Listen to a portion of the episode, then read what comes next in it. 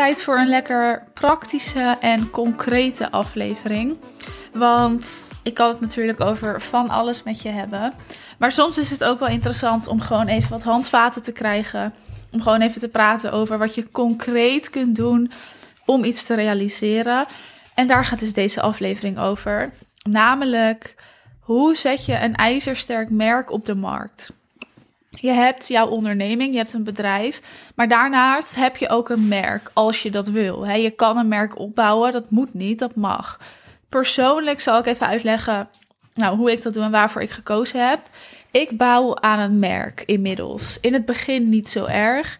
In het begin focus je je vooral op het gezond maken van je bedrijf en het winstgevend maken van je bedrijf.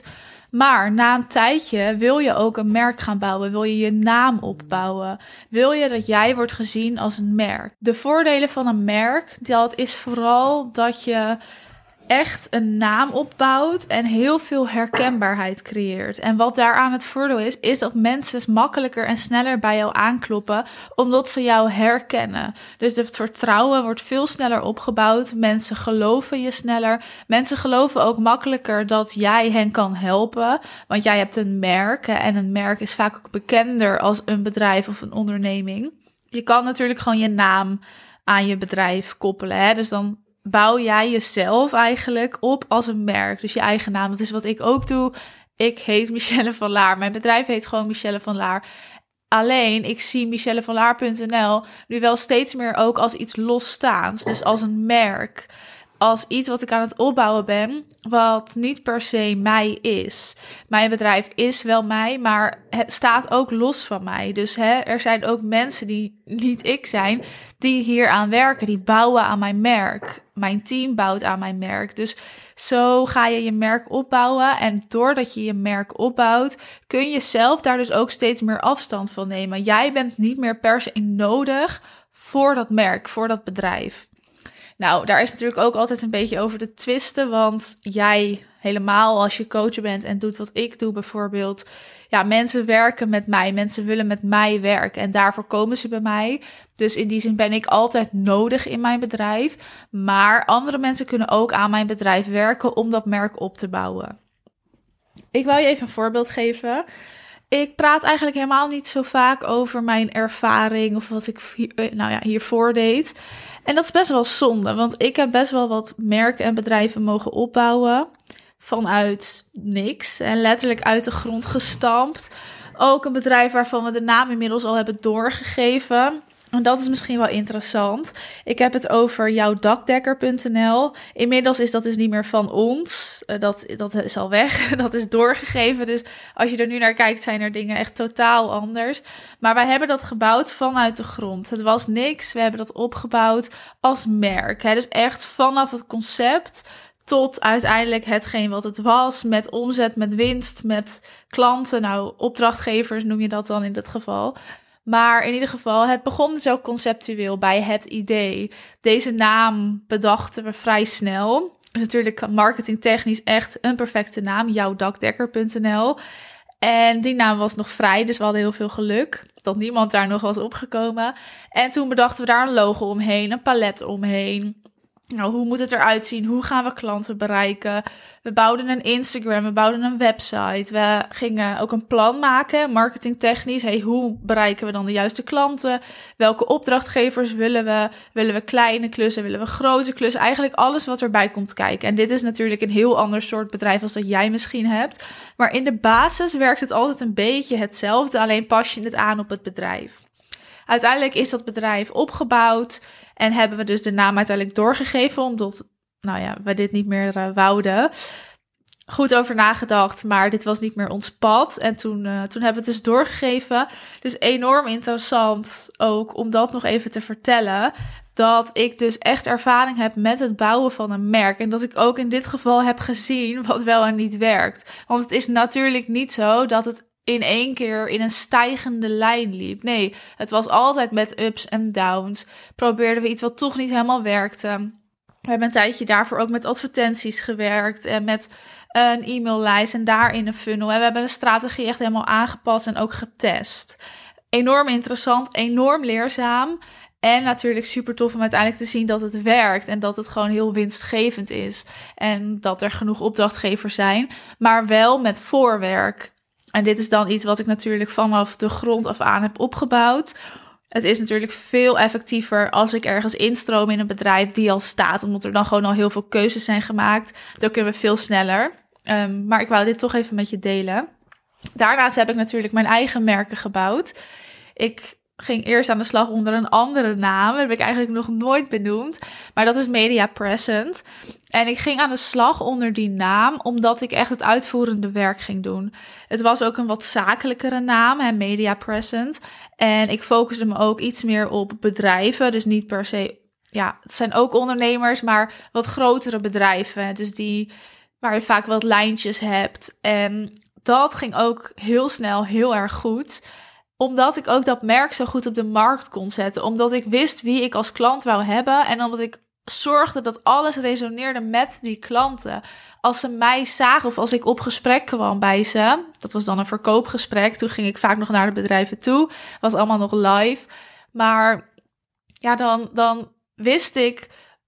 Ook qua kleding bijvoorbeeld, wat passend moest zijn. Want het hele plaatje moet kloppen. En als ik dan ja, anders aankomt dan mensen misschien verwachten, dan klopt dat niet helemaal, resoneert het niet helemaal en is de kans dat het lukt kleiner. Dus een merk bouwen heeft met veel meer te maken dan alleen je logo en de kleuren en nou de uitstraling van je bedrijf. Het is ook je naam, marketingtechnisch hoe je het aanpakt, hoe jij jezelf profileert en kleedt en eruit ziet en gedraagt, hoe jij praat, welke zinnen jij gebruikt. Ja, ook op je website en op je salespagina's bijvoorbeeld. Ik zorgde dat alles in lijn lag met de klanten die ik wou aantrekken. En daarom ben ik echt van mening dat ik zo snel ben gegroeid met dat bedrijf. En uiteindelijk was dat dus niet meer wat ik wou. En ging ik over op michellevanlaar.nl en ging ik coachen. Nadat ik dus een hele tijd dat uitvoerende werk had gedaan.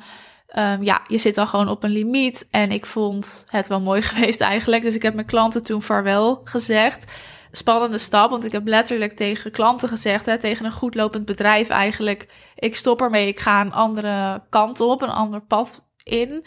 En ik heb daar geen seconde spijt van, overigens. Maar dat is natuurlijk wel een keuze geweest. Maar ik wist dat ik merken kon bouwen. Ik wist dat ik een bedrijf kon bouwen. Ik weet waar ik verstand van heb.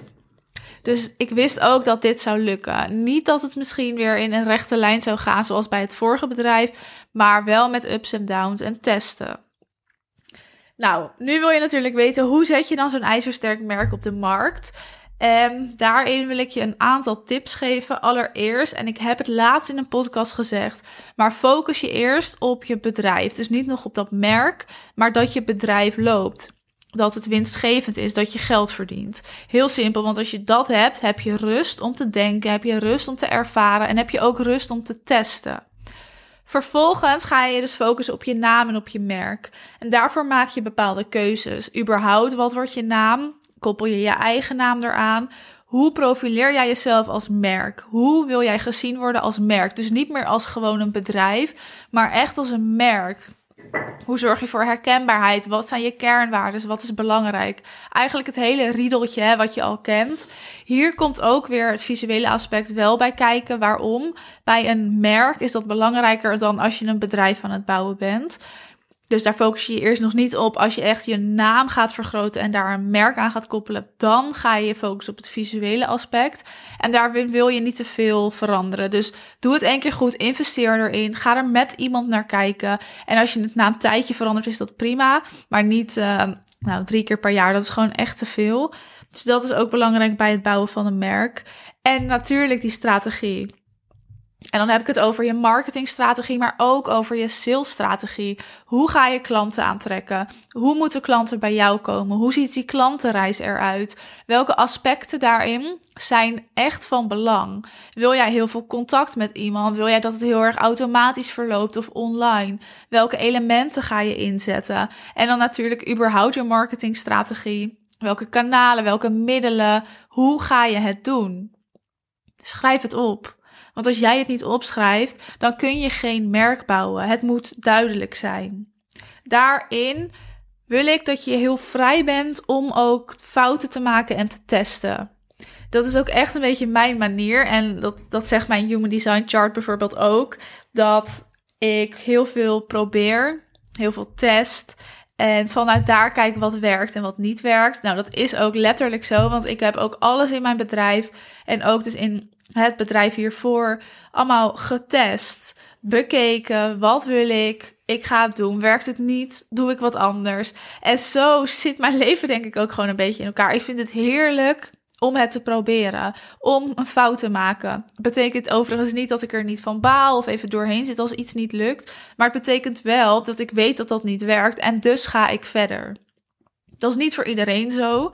Maar ik denk wel dat omdat ik dit zo fijn vind en dat echt mijn manier is, dat ook de reden is waarom ik nu goed ben in wat ik doe. En waarom ik ook bijvoorbeeld nu weet hoe je een merk in de markt zet, hoe je je bedrijf uitbouwt, hoe je aan die klanten komt. Omdat ik het allemaal getest heb. Niet alleen nu bij michellevanlaar.nl, maar ook bij het vorige bedrijf, ook bij jouwdakdekker.nl bijvoorbeeld. Maar ook bij mijn klanten. Hè. We hebben getest samen, we hebben het geprobeerd. Ik heb in verschillende branches gezien wat werkt en niet. En dat is mijn manier. Het hoeft jouw manier overigens niet te zijn. Het kan zijn dat jij er helemaal niet van bent. En dat is ook goed. Er is geen goed of fout hierin. Maar ik vertel je alleen wat mijn manier is. En dat is ook de reden waarom ik mijn klanten nu goed kan helpen. Omdat ik inmiddels gezien heb wat werkt en wat niet. Maar het kan zijn dat jij dus helemaal niet wil testen. En dat je vooral zeker wil weten nou, of iets werkt of niet, voordat je het gaat doen. En dat is prima. Als dat zo is, zorg dan dat je gaat zoeken of naar iemand of naar een coach of een mentor die je kan helpen, zodat je het pad makkelijker en soepeler kan bewandelen. Want het is geen makkelijk pad als je heel veel wil testen en heel veel wil proberen. En ik werk natuurlijk soms ook met een coach en daarin merk ik ook dat ik dan het pad iets makkelijker kan bewandelen, omdat ik kan sparren, kan overleggen van de fouten van mijn coach kan leren en die niet hoeft te maken. Dus het is altijd een wisselwerking. En zelf testen, uitproberen en fouten maken en daarvan leren. En leren van de anderen. Zodat jij die fouten niet hoeft te maken. Nou, we hadden het natuurlijk over het bouwen van een ijzersterk merk. Nogmaals, focus je eerst eens lekker op je bedrijf, op het opbouwen van klanten, van winst, dat het winstgevend is. Dan ga je je naam en je merk vergroten. En een merk bouwen is interessant. En na een tijdje heb je daar ook een team voor nodig. Je wil gewoon dat alles heel duidelijk is, zowel het visuele aspect als je strategie, als je marketing, dus ook als je salesstrategie. En dat die klantenreis bijvoorbeeld duidelijk uitgeschreven is. Want ook voor je huidige klanten is het zo dat als jij een merk aan het bouwen bent, dat daar een stukje merkbeleving bij komt kijken. En die merkbeleving, die is van belang of iemand bijvoorbeeld klant blijft. Dus of iemand gaat verlengen. Of hoe iemand over je bedrijf praat, hoe tevreden iemand is. En die merkbeleving begint al voordat iemand klant wordt. Dus in die klantenreis. Maar bijvoorbeeld ook in jouw onboarding in de mails die jij stuurt. Als jij een gezamenlijke map hebt of een Notion hebt, hoe ziet dat er dan uit? Hoe is dat ingericht? Stuur jij iemand met zijn of haar verjaardag een presentje hè, vanuit je bedrijf? Stuur jij een welkomstpakketje of stuur je tussendoor iets of aan het eind? Het zijn allemaal dingen die te maken hebben met merkbeleving. En merkbeleving is weer echt wel een andere podcast. Dus daar ga ik vast nog wel een podcast over maken, want het is heel interessant. Maar die merkbeleving zit hem dus al wel in een stukje voordat iemand klant wordt en totdat iemand geen klant meer is. Misschien zelfs nog daarna. Hoe je dat aanpakt. En dat is dus heel erg intern. Dat ziet de rest van de wereld niet, zolang ze geen klant bij jou zijn. Maar het is wel belangrijk, want dat gaat er dus ook voor zorgen dat je van je huidige klanten nieuwe klanten maakt. Oftewel dat ze klant blijven, dat ze bij je verlengen. Maar dat bewaren we lekker voor een andere keer. Ik ben heel benieuwd. Ben jij al bezig met het bouwen van een merk? Laat het me weten via Insta. Of vind je het misschien nog lastig om het onderscheid te maken tussen wanneer bouw ik nou aan een merk en wanneer bouw ik nog aan mijn bedrijf? Of wanneer mag ik die overstap maken? Laat het me weten. Ik ben daar uh, natuurlijk enorm geïnteresseerd in en dan kunnen we daar eens over kletsen.